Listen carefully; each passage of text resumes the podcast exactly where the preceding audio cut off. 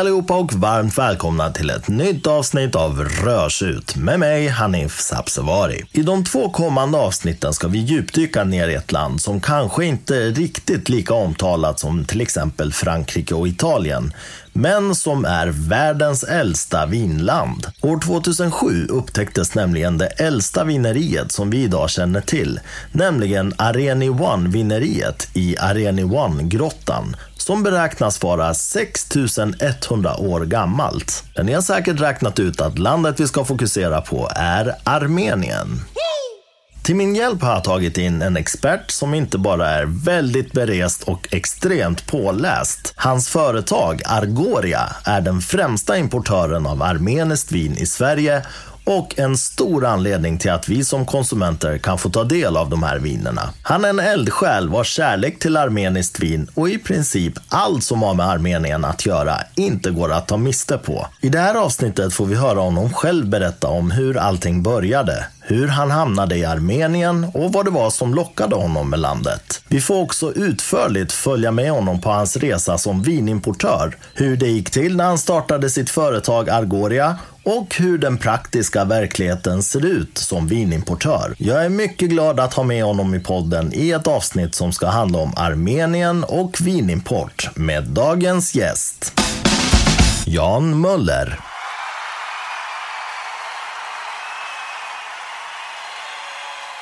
Jan, varmt välkommen till Rörsut. Tack så mycket. Hur känns det att vara här?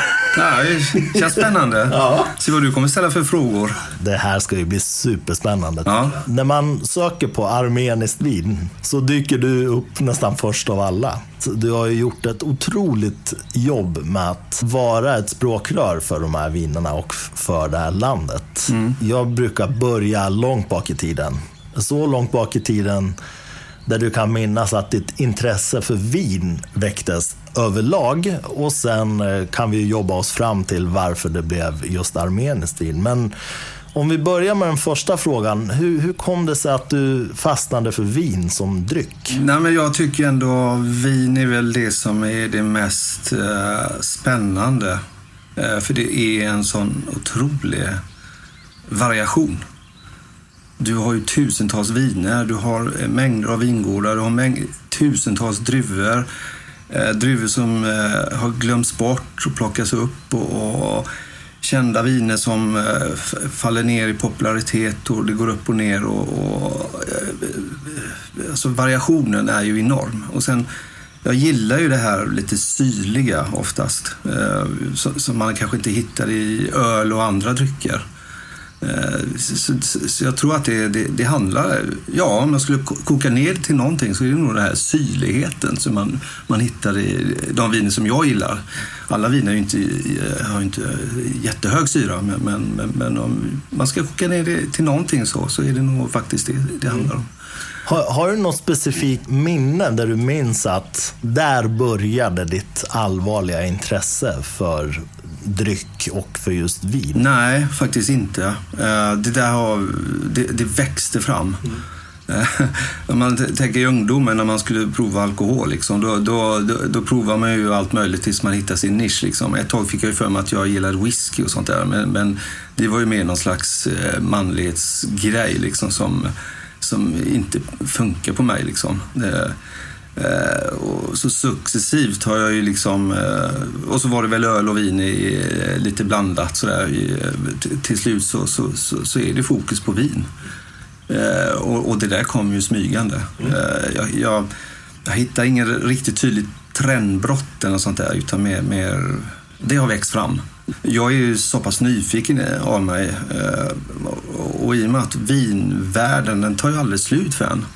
Eh, det kommer dessutom nya viner och, eh, nya eh, druvor klonas fram och eh, man upptäcker gamla bortglömda saker och, och det, det, kommer aldrig ta slut. Nyfikenheten kommer aldrig bli stillad när man är inne i vinvärlden. Så är det ju verkligen. Det är ju en oändlig värld verkligen som, som aldrig riktigt tar slut.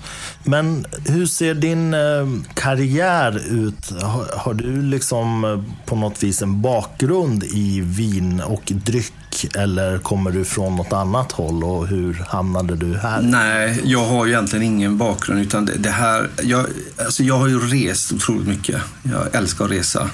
Och det är likadant där. Det är, eh, jag kommer aldrig hinna täcka varenda dal, varenda stad i hela världen. Så där kan ju inte heller min nyfikenhet stillas. Liksom.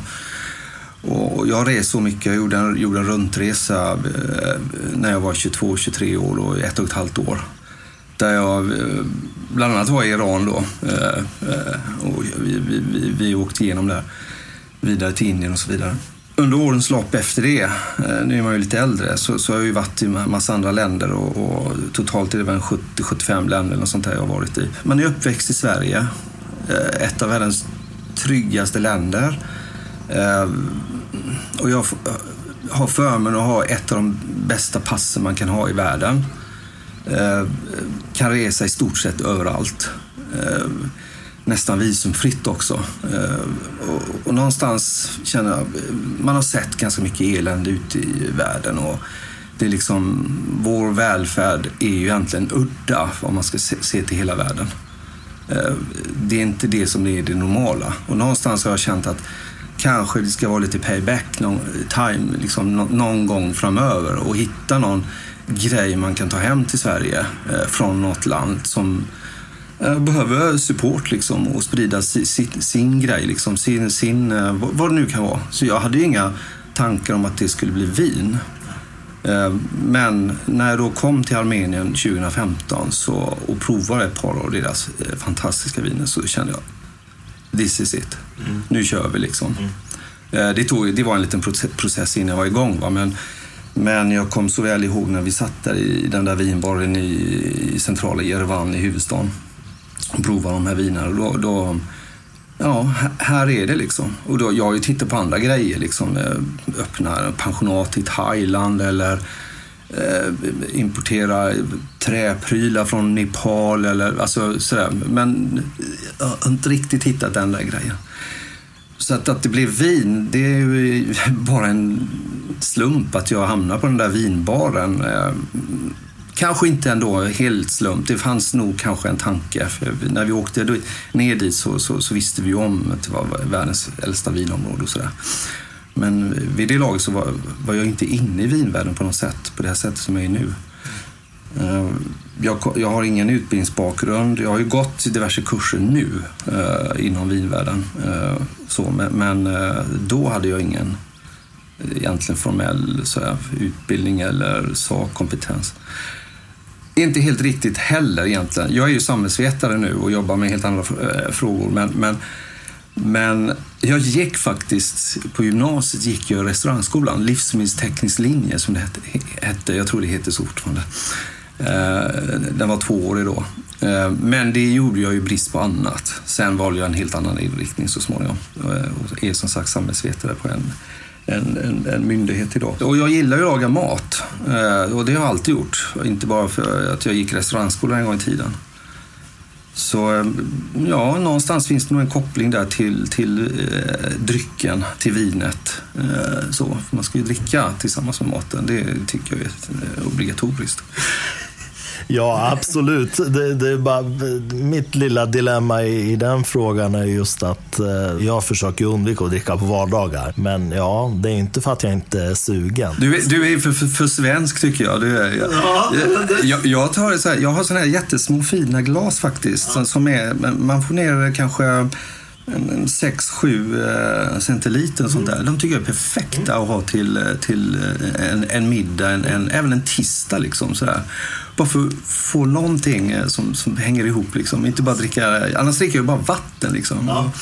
Och, och, jag känner liksom, ja men nu ska jag säga att jag gör det varje dag, men, men, men ganska ofta faktiskt. Ja. Mitt problem är ju att om jag liksom korkar en flaska, då är det hela den här processen av att du vet, bedöma. Så hälla upp det, kolla, känna aromer och skriva. Och, I och med att jag recenserar ju varje vin jag dricker i princip. Det händer ju att jag missar några då, speciellt om man är ute och dricker och sådär. Men eh, generellt sett försöker jag ändå dokumentera allting väldigt väl.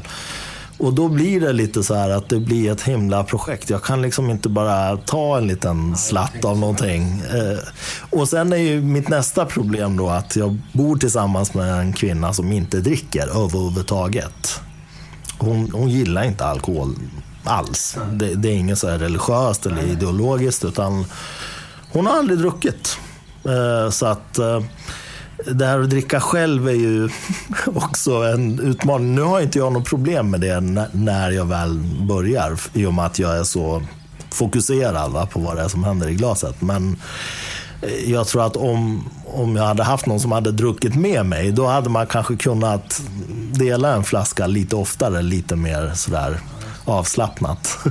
men, men, men, hur går det då? Alltså, går det att njuta alltså, av drycken, vinet i sig? Liksom, om man hela tiden ska recensera det? Alltså, det, är inte, det, är, det, är, inte att jag recenserar, men jag, jag är så himla så analytisk av mig. Ja. Och där kommer jag av min väldigt strikt vetenskapliga bakgrund. Det är så min hjärna är funtad. Så gör jag med allt. Ja. Det är inte bara vin. Alltså, film, teater, vad du vill, musik, vad du vill. Jag är extremt så här, jag måste plocka isär allting i små beståndsdelar och se hur det är uppbyggt. Det är lite min, så min hjärna funkar. Men det är ju coolt. Eh, ja, eh, och jag blir ju inte så stressad av det i sig, utan det handlar ju bara om att det, det, blir liksom ett projekt. Eh, jag brukar göra så här att jag börjar, när jag öppnar eh, en flaska, då börjar jag med den här processen att jag skriver och, och sådär.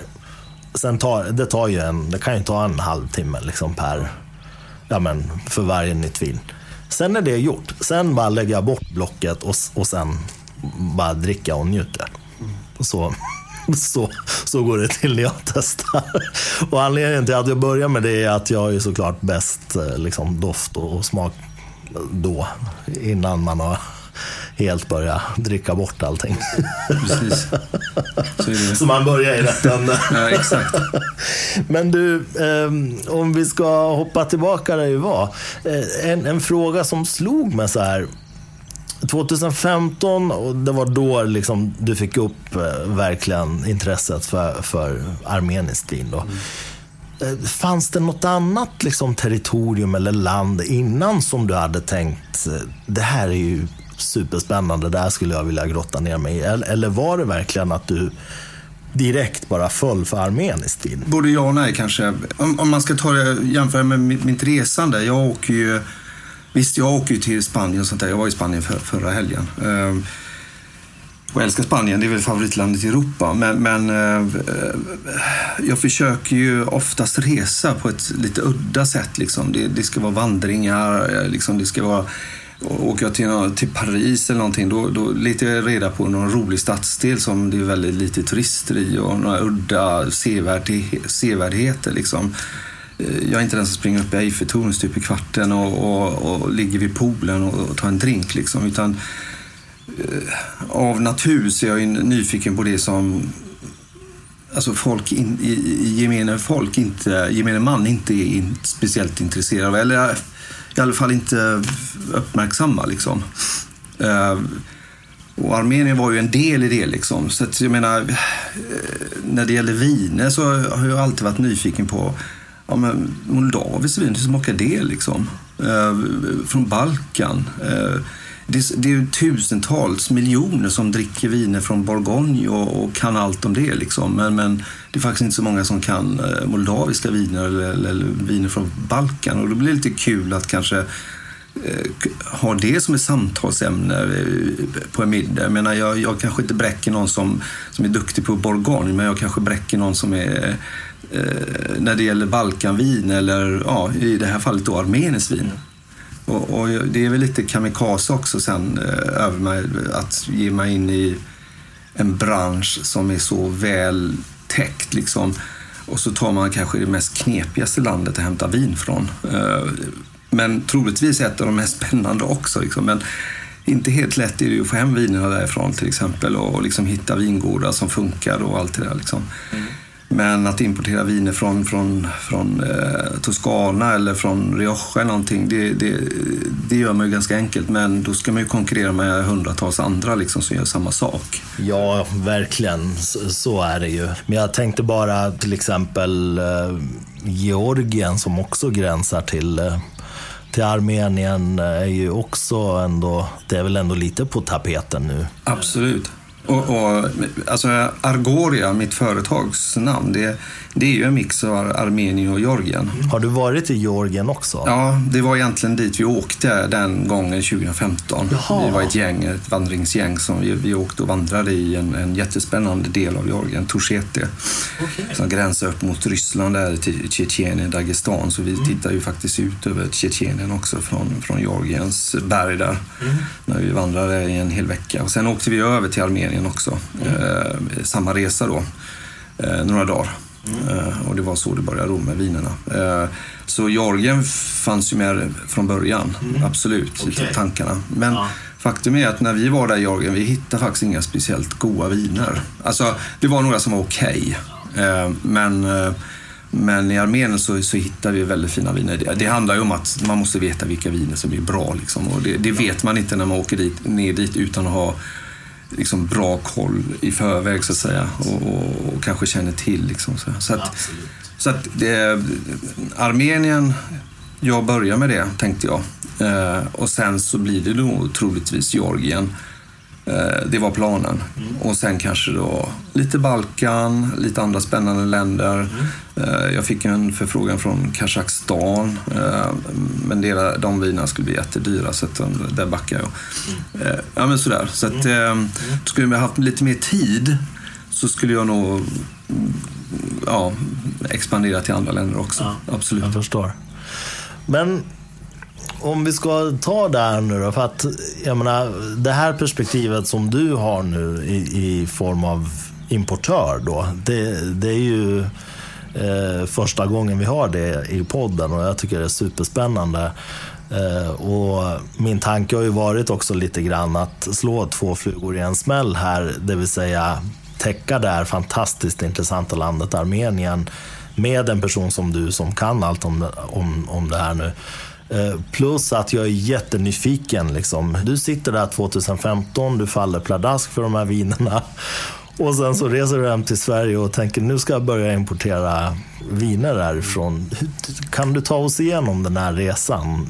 Liksom, jag antar att det är en väldigt invecklad och lång resa. Men om du skulle vilja sammanfatta det liksom, punktvis i alla fall lite grann hur det här har gått till. Det var ju mycket som sammanföll då faktiskt. Eh, Dels fanns ju den här grejen som jag sa förut då att hitta någon grej där ute i världen som jag kan ge support till i ett land då som, som behöver liksom någon form av ja, utbyte. Eh, alltså någon som tar hem deras grejer till Sverige. Eh, och så. så den biten fanns ju med där. Den har ju legat och grott i bakhuvudet jättelänge. Sen eh, sålde jag sommarstugan precis och då får man ju loss pengar. Jag hade kanske tänkt att jag skulle hitta på något annat för de pengarna, men, men ehm, eh, de pengarna fanns. Så det fanns lite resurser. Barnen började bli stora. Det började bli mer och mer tid till mig själv och, och mina egna funderingar över vad jag ska hitta på. En del kvällar blev lite tomma i kalendern helt plötsligt. Liksom, sådär. Eh, som ska fyllas. Sådär. Och sen då så hamnar man som sagt i, eller jag då, i Armenien med, med mitt vandringsgäng. Vi hade ju varit då i Georgien i en vecka, åtta dagar och vandrat och druckit en del viner uppe i byarna där och så och eh, inte hittat något riktigt spännande. Så vi var ganska besvikna liksom på våra vinupplevelse i Georgien. Och därmed inte sagt att Georgien har dåliga viner, det är inte det det handlar om. Jag tror vi bara inte stötte på dem liksom. Eh, jag har provat bra georgiska viner också. Eh, riktigt bra. Väldigt spännande druvor där också. Eh, sen kommer vi över till Armenien och eh, är några dagar då i Jerevan med omnejd, huvudstaden där och åker runt lite och där provar vi också på restaurangerna lite olika viner och hittar inget kul där heller. Men eh, när vi går då från en restaurang sista kvällen och var ganska missnöjd med vinet där också så är det någon som säger att och hitta på en kul sån här fantasi om att nu ska vi gå runt hörnan här borta i det här kvarteret och där kommer det finnas en fantastisk vinbar och där finns det fantastiska viner. Alla i det här gänget var ju, gillar ju vin liksom, så att, eh, och vi verkligen suktade efter ett riktigt bra vin. Eh, och det var ju ett skämt, som någon i gänget sa. Eh, men vi gick 50 meter och upp, där uppenbarade sig en vinbar som var helt fantastisk. Vi klev in i den och vi trodde inte våra ögon. Det var modern, eh, mängder av viner på hyllan. Den var ganska nyöppnad. Vi visste inte då att den var alldeles nyöppnad. Eh, 2015, det fanns inte så jättemycket vinbarer eh, i Jerevan på den tiden. Det har exploderat nu. Och där var det jätteduktiga servitörer som hjälpte oss igenom deras vinsortiment. Vi satt i baren där och vi hade ju ätit redan så att vi behöver inte äta. Så vi, vi provade oss igenom då en rad viner och vi tog i princip deras bästa viner. Och det var det ena fantastiska efter det andra och de berättade om druvorna etc. Och servitören hade till och med koll på att eh, inga armeniska viner fanns i Sverige. Då, då, var det ju någon gäng som sa att ja, men då, då importerar vi det. Och så satt vi där och hittade på en sån här semesterhistoria och tänkte att det ska vi göra liksom och bilda företag och sådär. Det här var i juli. Eh, I november när jag satt där och hade en av mina kvällar där jag funderade på lite livets mening och eh, framtida resor och sånt där. Och då blickade jag tillbaka till den här kvällen då eh, och tänkte, ja, varför, varför inte importera vin? Eh, och, och jag hade ingen aning om vad jag gjorde. Jag hade noll koll. Systembolaget tänkte jag, det är ju en mastodontisk myndighets... Liksom, hur ska man tränga igenom det liksom, och få in viner där? Möjligtvis kanske jag kan sälja till en annan restaurang eller sånt där, tänkte jag först. Men eh, jag bildade ett företag, ett aktiebolag. Tyckte det var bäst att köra på aktiebolag. Och sen eh, så inventerade jag eh, vad det krävdes för olika tillstånd hit och dit. Eh, jag fyllde väl i 50 myndighetsblanketter tror jag. Det tog väl i princip rent administrativt ett år för att få allting på plats. Ehm, det var allt från eh, det här med bolagsbildningen, en massa grejer där, eh, till de här tillstånden med Skatteverket, alkohollager, eh, Systembolaget, Folkhälsoinstitutet, kommunens livsmedelstillsyn, Ja, det, det öppnar ju sig en hel myndighetsvärld. Jag har jobbat i myndigheter eh, i, i, 30 år. Eh, och, och, men här upptäckte jag en ny sida av myndighets-Sverige. Liksom. Samtidigt måste jag säga att alla de här blanketterna, det fanns fog för att man faktiskt ska fylla i dem. Eh, jag är ganska kritisk liksom, för, med mitt eh, min bakgrund så inom myndighetsvärlden. Så att, eh, men jag tyckte faktiskt, ja det fanns väl en och annan eh, blankett som kanske var lite halvt onödig. Men, men i stort sett så, ja det här är väl sånt som man måste eh, göra när man ska syssla med alkohol. Liksom. Och sen då parallellt då så började jag ju då, jag hade ju ingen, det var ingen av oss som skrev upp de här vinerna. Men då var det en i gänget som faktiskt hade tagit en bild på en av flaskorna som jag, som jag fick eh, smsa till mig då. Eh, för jag kollade ju runt då med, gänget om det var någon som kom ihåg. Och, men då var det en som hade tagit en eller två bilder. Mm. Och jag fick kontakt med dem och sen hittade jag på och googlade fram ytterligare en, en spännande vingård. Mm. Och jag började kommunicera med dem då på nätet där med mejl och sådär några månader senare så åkte jag ner dit. Så parallellt då när jag byggde upp den här administrativa eh, eh, grejen så att säga eh, så åkte jag dit också och började bygga upp då kontakter och liksom hela den grejen vad som krävdes på den sidan och hitta vettiga vingårdar att jobba mot. För jag sa till mig själv att även om vinerna är Även om jag hittar en vingård som gör bra viner, jag ska gilla dem jag jobbar med. För det är väldigt viktigt kände jag, nu när jag ska gå in i det här jag är liksom, famlar ju liksom i ett slags eh, mörker. Liksom. Och då ska det vara människor som jag känner att jag kan lita på. Liksom, och, och, och så. Sen var jag ju rädd för det här med korruption och eh, liksom, armén. Kommer det här att funka? Liksom? Eh, hur sovjetiska är de fortfarande? Eh, det var ju en del av Sovjet en gång i tiden. Eh, kan de prata med mig som västerlänning på de villkor som vi jobbar under? Liksom avtal och liksom att man bygger upp ett förtroende och sådana här grejer. Eller blir man blåst liksom? Eh, så det var väldigt viktigt för mig. Att, att, eh, och då innebar det ju i princip att jag ville jobba också mot, inte allt för enkla små vingårdar, men inte heller de största. Liksom. För jag ville ha en personlig kontakt med, med ägaren. Liksom. Det var liksom en nisch jag bestämde mig för. Jag, så jag letade efter de, de, i princip de bästa familjegårdarna. Mm. Och jag tror jag har hittat eh, faktiskt de som jag har. De, det, är, jag anser att det är faktiskt de bästa mm. i Armenien. Det finns ytterligare en till som inte jag har. Det, men, men eh, i övrigt så...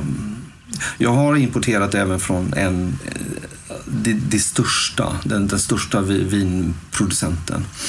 Eh, och kanske gör det framöver också, för de har riktigt bra viner. Men, men som sagt, jag, jag, min nisch är ändå familj, eh, gärna med lite ekologisk nisch, eller i alla fall sträva mot det. Liksom, och, och, sådär, och, och hög kvalitet liksom, på grejerna. Hur ser liksom den konkreta trafiken ut så att säga? Du har fyllt i alla de här 50-tal blanketterna och, och, är igång med ditt bolag och den biten är på plats. Du har varit nere i Armenien, du har hittat vingårdarna som du vill samarbeta med. Hur får du hit vinerna? Vad händer där? Hur, hur går den eh, förbindelsen till? Nu är det ju lite up and running. Liksom. Nu, jag, har, eh, jag har använt samma transportbolag he, hela tiden. Jag hittade ett som, som, som funkade. Det tog lång tid för de första sändningen, två månader tror jag. De blev fast i Pireus någonstans där eh, i Grekland. Eh, nu var det ju eh, någon gång i, oktober, november så det, så det var inte supervarmt då. Jag, men jag var ju orolig för det. Men, men det fanns en anledning till att jag, jag väntade med transporten till hösten där, liksom, för att den skulle fastna i någon någon varm eh, container, container ja. någonstans. Liksom. Mm. Men inte heller under vintern då, för om det skulle genom Europa. Men nu blev det ju att den tog sjövägen genom Svarta havet och sen eh, via Istanbul, Bosporen där och Medelhavet så fastnade som sagt en månad då i extra i, i Pireus i Grekland och sen då runda hela Gibraltar och sen upp till Belgien. Och där lastades då containern om och de, de fyra pallar som jag hade då första gången de, de eh, transporterades ytterligare någon vecka eller två senare upp till Karlskoga där jag har min distributör. Då. Okay.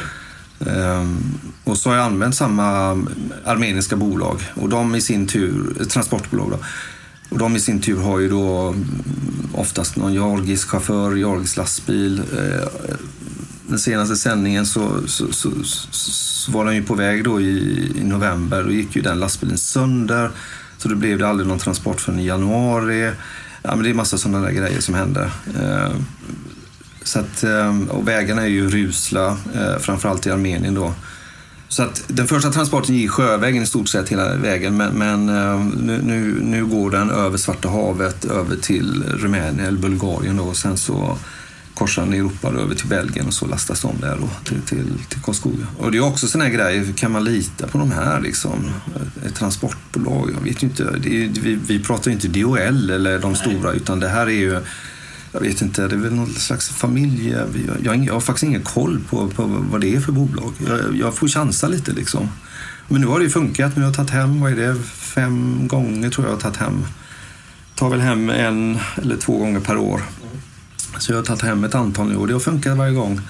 Nu senast var det lite extra struligt faktiskt jämfört med de, de, eh, de tidigare. Eh, den första var strulig också men, men det funkar. Eh, jag, har allting up and running. Jag har en distributör här i Sverige som skickar flaskorna och lådorna till Systembolagsbutikerna. De sköter allting. Det kostar ju mig ganska mycket pengar och i slutändan måste jag lägga på det till kunden då. Eh, men jag har liksom allting up and running. Sen, mm. sen trasslar det sig lite ibland med, med, med, olika grejer och så, men man löser det. Jag, jag har liksom, trots att jag är väldigt liten då, så, så har jag liksom hela kanalsystemet. Det, det, finns där på plats nu. Så nu skulle jag kunna ta in eh, hur många viner som helst om jag hade tid och, och pengar. För det är pengar det handlar om, för man måste ju köpa ett, ett lager. Eh, och då låser man ju in resurser så att säga i lagret. Eh, men annars skulle jag kunna ta in jag skulle kunna ta in på begäran av kunder om det är så, vissa viner och sådär. Men, men eh, just nu är jag fokuserad på de här fyra vingårdarna som jag jobbar med. Och, och då, är, då, då, är lagret i Karlskoga då och när jag går in och beställer på Systembolagets hemsida, då, då plingar det till hos dig någonstans. Och sen så meddelar du, eller ja, distributören kanske ser då själv och så skickas vinerna ut till närmsta systembolag där kunden vill hämta ut det. Ja, ja. ja praktiskt går det ju faktiskt till så. Det, det, det kunden lägger beställning mot Systembolaget mm. och Systembolaget går in i eh, distributörens IT-system mm. och lägger beställningen. Just. Jag eh, får en liten avisering från min distributör att nu, nu är det eh, en order på gång här. Men det är distributören som gör allt jobbet åt mig. Jag gör ingenting. Jag, bara får, jag har bara kontrollen över att det, det sker. Liksom. Och sen skickas det som du säger då, till den butik som, som uh, kunden har bestämt. Och uh, faktura går till Systembolaget ja. och jag får betalt 30 dagar senare. Sen blir det en del returer. En del kunder hämtar inte ut sin, sin uh, låda. då går det tillbaks. Då får jag skriva en returfaktura till Systembolaget på den transportkostnad som uppstår. Så det är lite pill med sånt där. Så kunderna får gärna hämta ut sina viner när ja. de har beställt dem. ja, det anser jag överlag att man ska göra oavsett om det är viner från dig eller vad, vad det nu är för någonting. Jag beställer ju nästan uteslutande från beställningssortimentet och mm. tillfälliga sortimentet. Om jag inte råkar vara i en butik som, som har vinerna då. Men har aldrig hänt att jag inte har hämtat ut. Jag menar, Beställer man ska man hämta ut. Så enkelt är det tycker jag. Tillfälliga sortimentet kan ju vara så här att de om någon nu ångrar sig eller inte hämtar ut så brukar de bara ställa ut det på hyllan och, och till slut så går det åt. Men det här är ju så pass specifika liksom, viner så att... Uh... Det, är ju, det här är Systembolaget, det är ju deras regler. Alltså de, eh, det, det som är fasta sortimentet och i tillfälliga sortimentet, det har de provat ut. Just det och har en smakprofil och analyserat i labb och sånt där. Så att de vinerna är så att säga godkända att ha på hyllan. Mm. Så är det precis som du säger, någon som har beställt då till en butik något som ligger i de två sortimenten så ställer de, och inte hämtar ut det, så ställer de ut det på hyllan. Men beställningssortimentets viner är inte utprovade av Systembolaget. Därför um, skickas de tillbaks. De får inte gå upp på hyllan enligt Systembolags egna interna regler. Det är därför det inte heller finns någon smakprofil på vinerna eller, eller information egentligen alls Exakt. på deras hemsida. Precis. Utan då får man ju kanske klicka sig vidare då till ja. importörens hemsida. Exakt. Så, um, det, det, jag kan tycka det är ett bekymmer, för det är, det är också en miljöbelastning att skicka tillbaks. Det, det är en stor arbetsmiljöfråga, för det är, det är mycket manuell hantering när det gäller returer. Ehm, och eh, det är en miljöfråga att man skickar tillbaks liksom lådor på det här sättet. Då. Det är, det, och, det är mycket som går fel. Det är eh, flaskor och lådor som försvinner, som man inte får tillbaks men, men, men som man inte kan ta betalt för och sådana saker. Så att, eh, det är väldigt struligt med returer. Är det mycket returer överlag? Periodvis. Nu, alltså just nu när vi sitter här och pratar faktiskt nästan så jag tror jag har fått tillbaks tre stycken nu. Alltså det är viner som alltså folk inte har hämtat ut. Det är inte så att de har lämnat tillbaka dem för att de tycker de är dåliga. Och sånt där. Innan dess, så, det var nog ett halvår sedan. Men eh, ja, senaste tio dagarna har jag fått tillbaka tre stycken. Mm. Mm. Det är ett halvår. Så, så jag vet inte, ibland händer det någonting ute i samhället kanske. Det är någon ande som, som gör att folk inte hämtar. Ja, precis. ja, men, men hur funkar det? Säg att man beställer ett vin eh, från dig då som är korkat. Kan, får man lämna tillbaka viner ur, ur beställningssortimentet också, eller hur funkar det då? Ja, det, gör, det, är, ju, det är ju Systembolaget som sätter som säljer det, precis. Ja, det är de som ja. bestämmer hur det ska funka. Och de har ju samma princip för alla Just. viner som Just. Eh, köps eh, från, från eh, från Systembolaget. Och vad händer då? Har du varit med om det här att, att någon har lämnat tillbaka ett korksvarat? Ja, någon enstaka gång. Ja. För, för, att man har... För det blir också en, en, en retur på det. Mm. Och en, en returfaktura så att säga. Mm. Eh, kanske just på en flaska av tre då. Eh, eller ibland så är det ju lådan sex flaskor också. Så mm. det blir en, en, en flaska eh, av sex då. Och då blir det som sagt returfaktura på det. Eh, jag får reda på det. det vi, vi, Systembolaget har ju en, kodsystem för vad det är för slags retur. Om det är att kunden inte har hämtat ut eller om det, är, det har blivit fel på något sätt. Att beställningen har gått snett eller eller om det då är korkskalat. Mm. Eller om det är feletikerat. Det finns massa koder för returer. Det har jag varit med om faktiskt, feletikerade viner. Ja, ja. Så, så, att, eh, så, så- jag ser på den, eh, det kodnumret som, i, i den returhandlingen. Det, se- det ser jag. Och det har hänt någon eller två gånger. Och sen har jag ju öppnat mängder av viner på, på, på, på mässor och provningar och sådär. Och det, alltså, det är ju så. Det, är- en del i- viner är ju korkskalade. Så det, det händer ju liksom. Tyvärr. Och har man otur så... Men då skickar du ut ett nytt då eller? Då, nej, nej, det blir aldrig så. Eh, Om inte kunden beställer eh, eh, fler flaskor. Men vad händer då, då? Om kunden lämnar tillbaka ett kork? Får man pengarna tillbaka? Ja, kunden får tillbaks av eh, butiken. Just pengar då? Ja, Ja. De, det blir någon slags återbetalning Just där. det, just Eh, Och sen så skickar se- se min distributör till att Systembolaget får en retur, en, en, en, en, kreditfaktura då. Just Mm. Så att vi löser det i alla led. Liksom. Det här lagret då med vinerna finns i Karlskoga. Varför, varför där? Hur hamnar du där? Exakta eh, eh, heter distributören. Jag tycker att de funkar bra. De, de, eh, de har mycket eh, mindre, de, har, de har inte det här, oftast de här storskaliga importörerna utan de, de, de har många, de, de är ganska stora liksom, men de har mycket eh, små importörer. I och med att det är Karlskoga, det är ju billigare mark, höll jag på att säga. Eh, det- är billigare, jag har kollat runt vad vad distributörerna tar. Prislistorna ser lite olika ut. Säljer man mycket så kanske det är billigare hos någon annan än, än exakta. Eh, men eftersom exakt är nischad mot lite mindre volymer så, så blir det billigast för mig än så länge. Skulle jag komma upp i större volymer kanske det blir förmånligare hos någon annan. Men det finns ett antal sådana här distributörer som, som är godkända av Systembolaget runt om i Sverige. Jag vet inte om de är sju, åtta stycken och sånt där. Det blir besvärligt för mig när jag själv vill hämta viner, när jag ska till mässor och sånt där. Jag bor ju i Stockholm så det är en liten transportsträcka för mig. Men, men oftast gör jag det i samband med, med, med att jag ändå är den väg i de faggorna där. Annars får du, får du höra av dig till mig. Jag har ju som du ser på min t-shirt oftast vägarna förbi Karlskoga för jag ska ner till Karlstad och kolla på hockey. Just det. Så jag åker alltid förbi där. Färjestad, ja.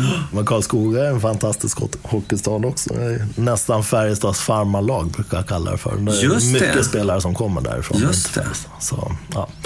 ja, det var ett stickspår. Men eh, Armenien då? Nu har vi ju fått, fått lite koll på eh, bakgrunden, hur du hamnade där och det här som jag faktiskt också tycker är väldigt intressant, för det har vi aldrig haft med i podden och jag har ju själv noll koll, nämligen själva den här logistiken. Det är också intressant att höra allt som du har berättat. Men om vi liksom tar oss förbi allt det här och, och, och pratar om Armenien då. Nu vill ju inte jag att du ska redogöra som någon statsvetare eller historiker, men ditt intryck när du har varit där. Vad är det för land? Vad, vad är dina känslor och, uppfattningar kring Armenien som land? Alltså det är ett fantastiskt land. Det, det har sån eh, eh, bredd på något sätt. Det är ju faktiskt ett av de äldsta länderna i världen. Eh, om man börjar där någonstans. Och som, som du sa inledningsvis, vi är ett av världens äldsta vinländer, om inte det äldsta, tillsammans med Georgien. Det är ett fantastiskt stolt folk. Det är ett litet land. Det är en storlek motsvarande Småland. Det bor tre miljoner invånare där. Och att de överhuvudtaget fortfarande finns kvar genom världshistorien med de här imperierna som, som är runt om. Gamla Persien, Ottomanska imperiet, eh, ryska, sovjetiska imperiet och alla andra som har drivit omkring där, Genghis khan och, och så vidare, eh, och Alexander den store och, och att landet överhuvudtaget finns kvar. Jag, jag tycker det, det är ju liksom, det, det är en bedrift bara det. Här i Sverige så är vi ju liksom skyddade av Östersjön och invaderande arméer från alla håll och kanter. Liksom. Vi har aldrig i princip varit invaderade här. Vi hade en Kalmarunion med, med danskarna en gång i tiden. Men, så någonstans tror jag det har format eh, eh Armenien väldigt, med stark sammanhållning. Det finns en diaspora ute i världen, 8 miljoner armenier. Uh, huvudsakligen, eller många bor ju i, i, i Kalifornien. Glendale finns någon armenisk slags koloni där med mängder av armenier. om jag har fattat rätt, jag har inte varit där. Men en av de vingårdarna, Varusan eh, Vanardi, som jag jobbar med, han, han, han flyttade dit när han var 20, byggde upp en revisorfirma Eh, säljer den och kommer tillbaka till Armenien. Och var och varannan armenier jag träffar har, har någon kusin eller någon som bor där. Eller har bott där själv. Frankrike finns mycket armenier. Eh, Charles Aznavour var armenier. Han fick någon slags statsliknande begravning i Armenien. Vi har Ryssland, finns mycket armenier såklart. Hela Mellanöstern har traditionellt funnits jättemycket armenier. Eh, Ar Armenien var ju ganska stort en gång i tiden. Alltså när vi pratar stora Armenien på Eh, ja, för typ, typ 2000 år sedan. Sträckte sig eh, i princip från Medelhavet bort förbi Svarta havet till Kaspiska havet. Det var ju, det riket var ju runt Ararat, det här mytomspunna berget där, där eh, Noa strandar med sin ark. Hela Armenien var liksom lokaliserad runt det här berget så att Ararat var i centrum av riket. Så Ararat är ju en nationalsymbol. Numera ligger då eh, berget i så att säga, Turkiet strax bortom gränsen från, från Armenien. Man ser Ararat från stort sett hela eh, Armenien. Eh, och det är en symbol för dem. Mycket heter Ararat i Armenien. Det största cigarettmärket, den största banken, bästa konjaken, armeniska brandyn eh, heter Ararat. Det finns en region i Armenien som heter Ararat Eh, som gränsar då just mot, mot Turkiet där. Många män heter Ararat i Armenien. Det är ett, ett spektakulärt landskap i Armenien. Man har mäktiga berg, eh, fristående berg, lite så här konliknande, vulkanliknande berg. Men man har också bergskedja så att säga, som sträcker sig framförallt i södra delen. Eh, och, och bergskedja upp mot georgiska gränsen i, i, i norr. Man har så här spännande canyons eh, ner mot söder där, där de bästa vingårdarna ligger och den, den historiska marken där där den här berömda grottan eh, där man hittar världens äldsta vinproduktionsanläggning, 6100 år, ligger då i, längs den här canyon som är längs Arpa River, Alpafloden. Det är otroligt grönt på våren i hela landet. Mycket blommor och växter. Men det här torkar ju upp i den extrema hettan då på, på sommaren med 35 och upp mot 40 grader på sina ställen. Så där får ju druvorna kämpa. Och hela landet befinner sig på en ganska hög höjd. Jag kommer inte ihåg genomsnittshöjden, om den är 12-1300 eller något sånt där. Jag tror lägsta punkten är väl 700. Det finns ju ingen kust där. De har ju ingen ut mot Svarta havet eller Kaspiska havet. Azerbajdzjan ligger mot Kaspiska havet, Georgien ligger mot eh, Svarta havet. Men, men Armenien har då ett rent inlandsklimat med, med heta, heta somrar och kalla, kalla vintrar. Trots att det ligger på Barcelona och, och Atens breddgrader så, så är det snö där i stort sett hela landet på vintern. Och det kan vara mycket snö vissa vintrar. Det var någon vinter här för några år sedan som hade 50 centimeter i princip. Det finns faktiskt skidort. Eh, bra, hyfsat bra skidort där som jag har åkt skidor i för, strax innan pandemin eh, brakade lös fantastisk mat som matchar väl deras framförallt arenedruvans viner. Man, tänk libanesisk mat eh, och krydda den med lite persisk touch och lite turkisk touch och så. Inte jättestark mat. Eh, sällan man har stark chilimat och sådär utan det är mer, det, det, det, det är rik smakupplevelse men, men inte jättekryddat. Så, så är ju persisk mat också. Exakt. Det är jag tror att det är därför det är så otroligt populärt också. För att eh, är så extremt smakrikt utan att någon skräms iväg av, av att det blir för starkt eller, eller drar för hårt åt något håll. Ja. Och så tror jag att armenisk mat också är ganska likt eh, persisk mat också för att de har hela bredden. Alltifrån de här grillade rätterna till grytorna till de här små rätterna och de har hela spannet. Ja. Jag har ju liksom någon form av eh, dröm.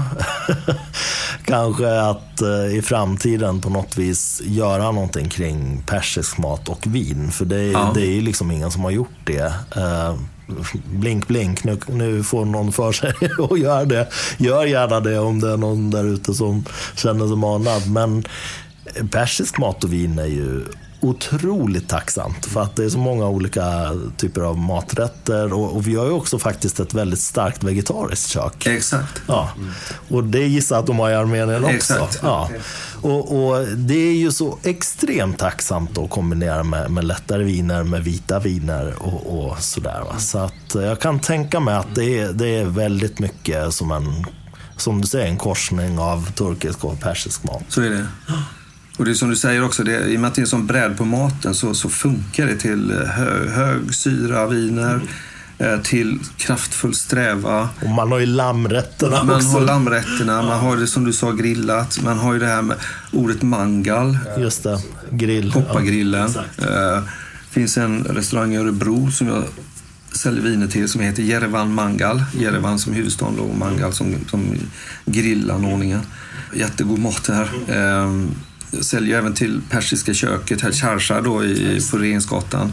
Säljer jag ju lite viner till deras vinbar. Han, han har ju en vinbar där, Amfora. Eh, som heter Amfora vinbar. Det tyder ju på att det finns en matchning där med persiska köket. Liksom. Absolut. Det här är ju samma region liksom. Och norra Iran har man också hittat spår av väldigt gammalt eh, vin. Liksom. 7-8 tusen år gam, gamla rester. Liksom. Aren är den här byn då med samma namn som druvan som ligger där nere i södra Armenien. Det är ju bara, du har kanske 10-20 mil kvar till, till, till gränsen ner till Armenien. Där man då hittat den här eh, grottan då med vin, vin, vinproduktion. Så det är ju uppenbart att det har funnits stor vinproduktion i Persien en gång i tiden också. De här gränserna, det är ju en form av eh, konstruktioner. Liksom. En, en gång i tiden har ju det mesta Exakt. flutit ihop. Och, och armenier för iranier är ett väldigt närvarande folk. Det är inte alls som ett men främmande eller om man säger en befolkning som iranier kanske inte kan riktigt uh, så här, associera sig med eller, eller känna igen. Utan armenier finns det ju gott om i Iran eh, också. Så att, På sin tid 300 000 armenier i, bara, bara i Esfahan om jag förstår det exakt. Så de är väldigt närvarande. Jag har ju också liksom läst mig till att det är, det är ett ganska extremt landskap på många sätt. Just att det är väldigt hög höjd, men att det finns också dalar eh, då. Och, och, och- just den här vulkaniska också inslaget som är väldigt på tapeten nu. Om man tänker ja, men Sicilien och, och etnaviner och allt sånt. Om, om vi ska snäva in oss lite på vinlandet Armenien då. Vad finns att säga där? Jag har ju kunnat läsa, läsa in mig på att det är en hel del regioner och eh, en hel del väldigt spännande inhemska druvor. Att- och det, det är lite svåruttalat också så att eh, jag ska inte försöka mig på att rabbla upp det här nu. Men, men generellt sett, vad finns det att säga om vinlandet Armenien? När jag står på vinmässor ibland så kommer folk eh, fram då till eh, monten och frågar kan du bjuda på något typiskt armeniskt? Och då säger jag nej, det finns inte något typiskt armeniskt. Det finns tusentals typiska armeniska viner. Man har ju kartlagt upp mot 500 druvor, armeniska druvor, som, alltså inhemska. Ungefär som Georgien, om jag har förstått rätt, har också ungefär lika många.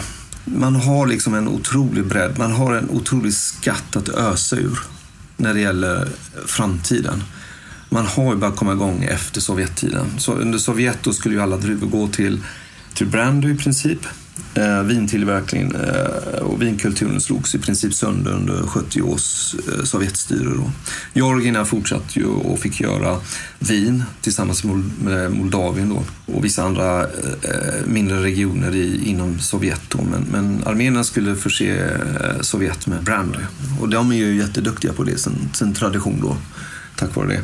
Pernod har ju till exempel köpt upp den, den kanske mest kända eh, Ararat då, eh, för ett antal år sedan. Nästan direkt, ganska tätt inpå efter Sovjet föll samman.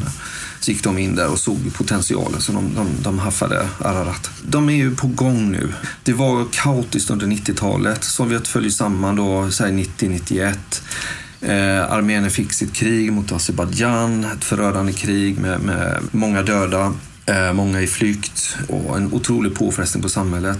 Tillsammans med den jordbävningen som var också uppe i norra Armenien 1988. som de led av länge. Så att samhället kollapsade i princip eh, under 90-talet. Och ingen vågade investera utan tvärtom, det man gjorde det var ju att man sålde det man hade i form av maskiner och grejer i gamla Sovjetfabriker och så och liksom tömde resurserna ännu värre på det sättet. Eh, 00-talet började väl så sakteliga komma igång, men 10-talet då var det så pass politiskt och ekonomiskt lugnt i landet så att då börjar investeringarna komma igång. Och många hemvändande armenier eh, från utlandet då. Eh, flera av de här vingårdarna är typiska exempel på det, där man vågar liksom komma tillbaks, eh, börja investera i landet, eh, bygga upp, bli en del av liksom, återuppbyggnaden av Armenien. Det är ju eh, flera som liksom har det som, som en, en drivkraft, liksom. inte bara att göra vin. Liksom. Man håller på att kartlägga, man hittar liksom druvor på, hemma hos folks bakgårdar för man kunde ju fortfarande tillverka vin för, för eget hushållsbruk under Sovjettiden. Så att någonstans finns ju då många druvor kvar, liksom, men det gäller att hitta dem på någon bakgård. Liksom. Eh, för det är inte alltid eh, den, den enskilde bonden förstår vilken skatt han kanske sitter på. Mm. Men en unik rest av en gammal druva som är flera tusen år gammal. Man har potential. De här, eh, jag tänker, en, en del av sådana här länder som har befunnit sig i sådana här historiska skeden när det har varit väldigt jobbigt. När de ska byggas upp igen då så kommer det väldigt mycket krafter utifrån och då menar jag inte hemvändare utan ordagrant utifrån. Det kan vara vad som helst. Amerikaner, britter, fransmän, kineser, vad som helst. Men hur funkar det där i Armenien, är ditt intryck? Är de liksom väldigt eh, nationalistiska? Är det armenier som håller på och bygger upp Armenien? Eller, eller tar de också hjälp utifrån? Från sakkunniga, om man tänker fransmän eller amerikaner? Eller? Ja, grejen är att eh, det blir ju, indirekt är det ju fransmän, italienare, amerikanare som, som är där. För, men det är ju armenier. Men de har bott där? De har bott där, eller de, de, de är kanske födda i USA eller Frankrike, men, men de är armenier. De klassificerar ju sig själva som armenier. Och, och, och, de kommer tillbaka. De har ju, kan man påvisa sitt ursprung så har jag förstått att då, eh, som armenier, då, då har man möjlighet att flytta tillbaks på, på ett, ett, enklare sätt än någon annan. Jag kan inte detaljerna kring det, men, men så har jag förstått att det är. Och det är jättemånga som, som, som gör det och vågar investera. Det, eh, en av de stora investerarna, han är ju en stor, han är miljardär, argentinare, men armenier. Mm.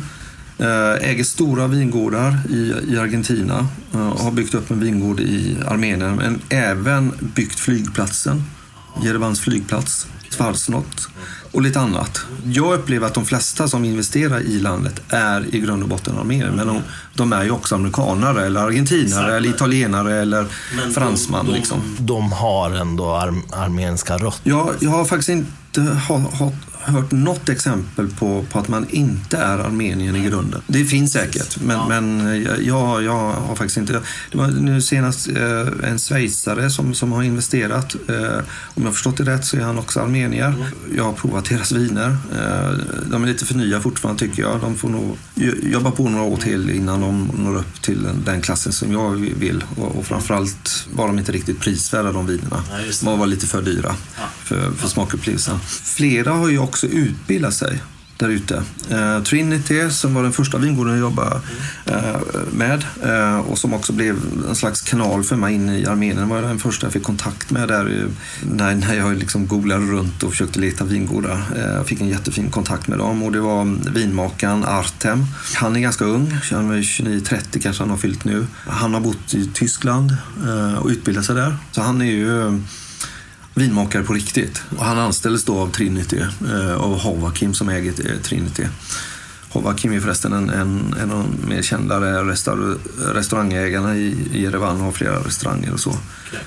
Så han, han, och hans kompisar de, de startade vingården enbart för att få till riktigt goda armeniska viner då, eh, till sina restauranger för en 10-12 år sedan. Mm. Och sen anställdes då Artem då för, eh, jag tror det var 2014 han kom till, till Trinity. Och han är utbildad som sagt i, i Tyskland. Och, och sådana exempel ser man. Sen finns det också de som speciellt de här som har stora resurser, de har ju råd att ta in någon konsult från Italien. Någon av de mest kända konsulterna, vinkonsulterna, så att man på det sättet skapar sig ett namn också. Så den varianten finns också. Man hämtar hem liksom, eh, kunskapen genom att eh, ja, ta in konsulter. Anledningen till att jag ställer den här frågan är ju att historiskt sett så tycker jag att man kan skönja en tendens att när det kommer helt vilt främmande makter utifrån och ska skapa demokrati eller vad det nu kan röra sig om, så kan det ju lätt bli fel. Ja. Det gäller att få med sig lokalbefolkningen och det gäller ju också att förändring, all typ av förändring måste ändå grundas i samhället och människorna som bor där lever där. Annars kommer det inte hålla. Det blir ju som att man klistrar på någonting. Det kommer bara försvinna och folk kommer till slut tröttna och göra uppror och ta fram någonting som de tycker är rätt. Då. Det behöver inte alltid bli bättre, men det är ofta så det blir. Den skillnaden tycker jag ändå man kan eh, godta liksom, för att ta in folk på konsultbasis, det, det är ju bara klokt egentligen. Eh, speciellt om man också kanske inte har på grund av de här historiska skeendena som du beskriver och, och Sovjettiden inte har den här grunden, fasta grunden att stå på så är det väl jättebra att de tar in konsulter i alla fall som får hjälpa dem. Så gör man ju, så gör man ju i alla vinnerier runt om i hela världen. Ja, och i alla branscher. I Om alla man vill bygga branscher. upp någonting, då tar man hjälp av de som ligger lite före. Liksom. Så det är väl bara positivt. Ja. liksom. Om man tänker, nu, nu ställer jag kanske frågor som du inte alls känner att du kan svara på. Du, du får säga pass bara. Men du, du har ändå varit där. Jag, jag är mer intresserad av dina intryck liksom, och din känsla för, baserat på dina upplevelser när du har varit där. Men hur upplever du att staten är där? Hur, hur, hur funkar? Vad är det för typ av styre? Alltså stöttar de vinproduktionen och, och vinbranschen och det här som pågår? Eller är det väldigt krångligt? De här vinmakarna, behöver de kämpa väldigt hårt mot statens myndigheter eller får de bra backning? Det jag hör och har hört, det är att staten förstod nog inte från början vilken potential det här var.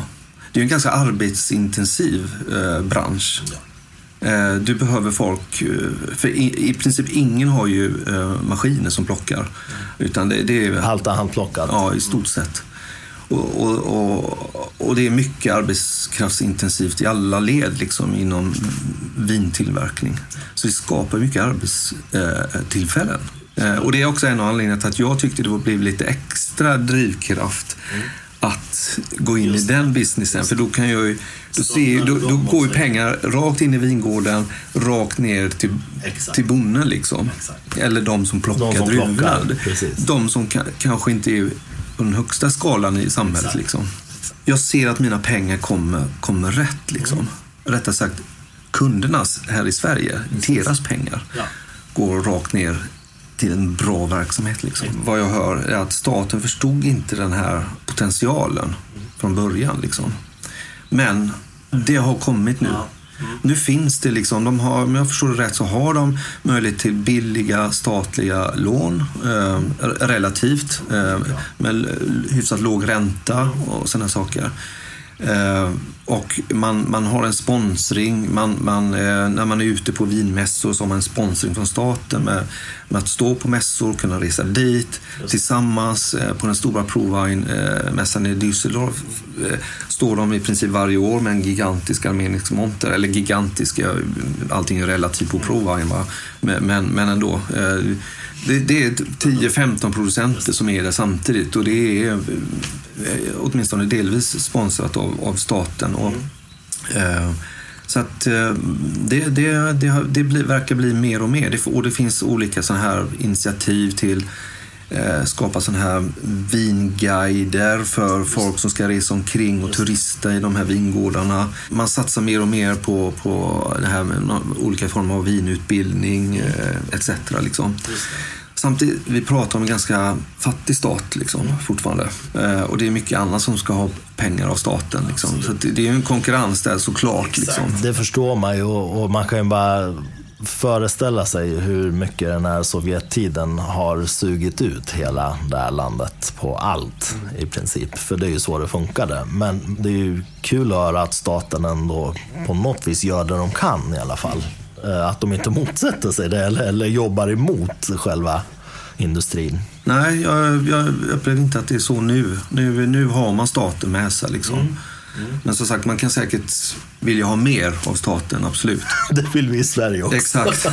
Det är intressen liksom som står emot varandra på olika sätt. Ja, så är det ju. Men, men eh, ja, jag tycker det är ett otroligt fascinerande land. Och det är inte bara det faktum att det är så gammalt allting, utan det, det är något som är väldigt häftigt också med att, som du beskriver då, att du har ett land som Georgien som ligger precis vägg i vägg. Och, och, att det kan vara sån extrem skillnad mellan de här länderna i, i, alltså i deras viner då. Eh, hur, hur olika det är. Och det beskriver ju du också att i Georgien kanske det var svårt att hitta något som var eh, schysst. Liksom. Men, men att i Armenien så hittade du rätt ganska snabbt då. Så det, det är ju väldigt fascinerande. Jag har ju druckit en del georgiska viner, jag menar, av det som går att få tag i i Sverige. Och det har inte varit dåligt på något vis. så. Men det har väl kanske inte heller varit wow, om man säger så. Det, det har ju varit eh, kul mer än att det har varit bra, om man säger så. Det har varit mer intressant än att jag tänker, oj, där vill jag köpa en låda av och lägga undan i källaren. Liksom. Men eh, känner du att vi har täckt in liksom hela den här biten med dig, din verksamhet och, och, och lite generellt om, om Armenien, Armenien som vinland och vinproduktion? Eh, eller finns det liksom någonting som du tycker är väldigt viktigt mer att eh, tillägga här? Jag kan väl tillägga också kring alltså folket. Ja. Alltså det är fantastiskt. Jag har nämnt stolt folk och sådär. Men det är också ett väldigt gästvänligt folk. Samtidigt finns det en, en, de är lite reserverade också. Jag brukar säga det. Eh, jag tycker faktiskt att ibland de påminner lite om svenska faktiskt. Mm oss nordbor. Jag vet inte vad det beror på, men, men det är inte det där frejdiga, frodiga, eh, stökiga, yviga, italienska eller grekiska sådär liksom. Utan det, så jag känner mig ganska hemma där faktiskt. Jag tror att det är en av anledningarna till att jag faktiskt också fastnade för Armenien som, som land. Jag, jag, jag, är, jag är kär i Armenien. Jag har ju som sagt varit i 70-75 länder och, och, och Armenien kommer ju säkert fem i topp åtminstone. När det gäller liksom hela grejen och, och folket och sådär. Jag tycker det är så otroligt lätt där. Det är snabb service eh, när den går att få tag i. Den går inte att få tag i alla byar och sådär. Det finns inte flashiga kaféer längst ute i sådär, eh, landet. Men, men, men eh, Jerevan är en pulserande, skön, liten men ändå en storstad. Liksom. Eh, inte riktigt Stockholms mått, men, men strax under. Liksom. Mm. Kanske Göteborg, lite större kanske. Det är ett häftigt land att besöka och man ska vara fullständigt trygg att åka dit. Faktiskt. Även om de har sina, sin konflikt fortfarande, ligger och, och jäser med, med Azerbajdzjan och det är ett fattigt land och så på många sätt och speciellt ute på landsbygden så det, det är tryggt att åka dit, åka där, där liksom. Ja, det, det, är bra att du säger, för det hade jag faktiskt tänkt fråga. Alltså om man är intresserad av, av att åka. Eh, jag menar, ja, dels att besöka landet, men även kanske besöka någon vingård och sådär. Inga problem. Eh, och de, oftast tar de emot det med öppna armar. De bästa vingårdarna, och även riktigt små, alltså, de, de, de har börjat liksom öppna upp för att ta emot gäster. Eh, bara under åren jag har varit där, det händer ju hela tiden. Varje sommar när jag kommer tillbaka så det, då har de byggt något, något nytt vineri eller så har de byggt en ny eh, eh besöksanläggning. Eh, de har ju fattat vilken potential de sitter på. Det, det är enkelt. Är det. Mm. det är gemytligt, det är genuint. Liksom. Mm finns några sådana här lite stora producenter som är, det är lite anonymt i. Men, så är det överallt. väljer man mina, mina vingårdar, då får man ett personligt bemötande. Liksom. Ja, det tycker jag får eh, kanske runda av den här delen av eh, vårt samtal. För att jag har ju tänkt att det här ska vara lite som två delar då. Att vi pratar just om ja, men din resa då och Armenien, Armenien som inland. Men nu ska vi ju faktiskt också testa det ska vi. Eh, ett, ett par av eh, vinerna som du importerar och det ska bli otroligt spännande. Men eh, vi rundar av det här, den här delen här så återkommer vi med eh, del två. Härligt.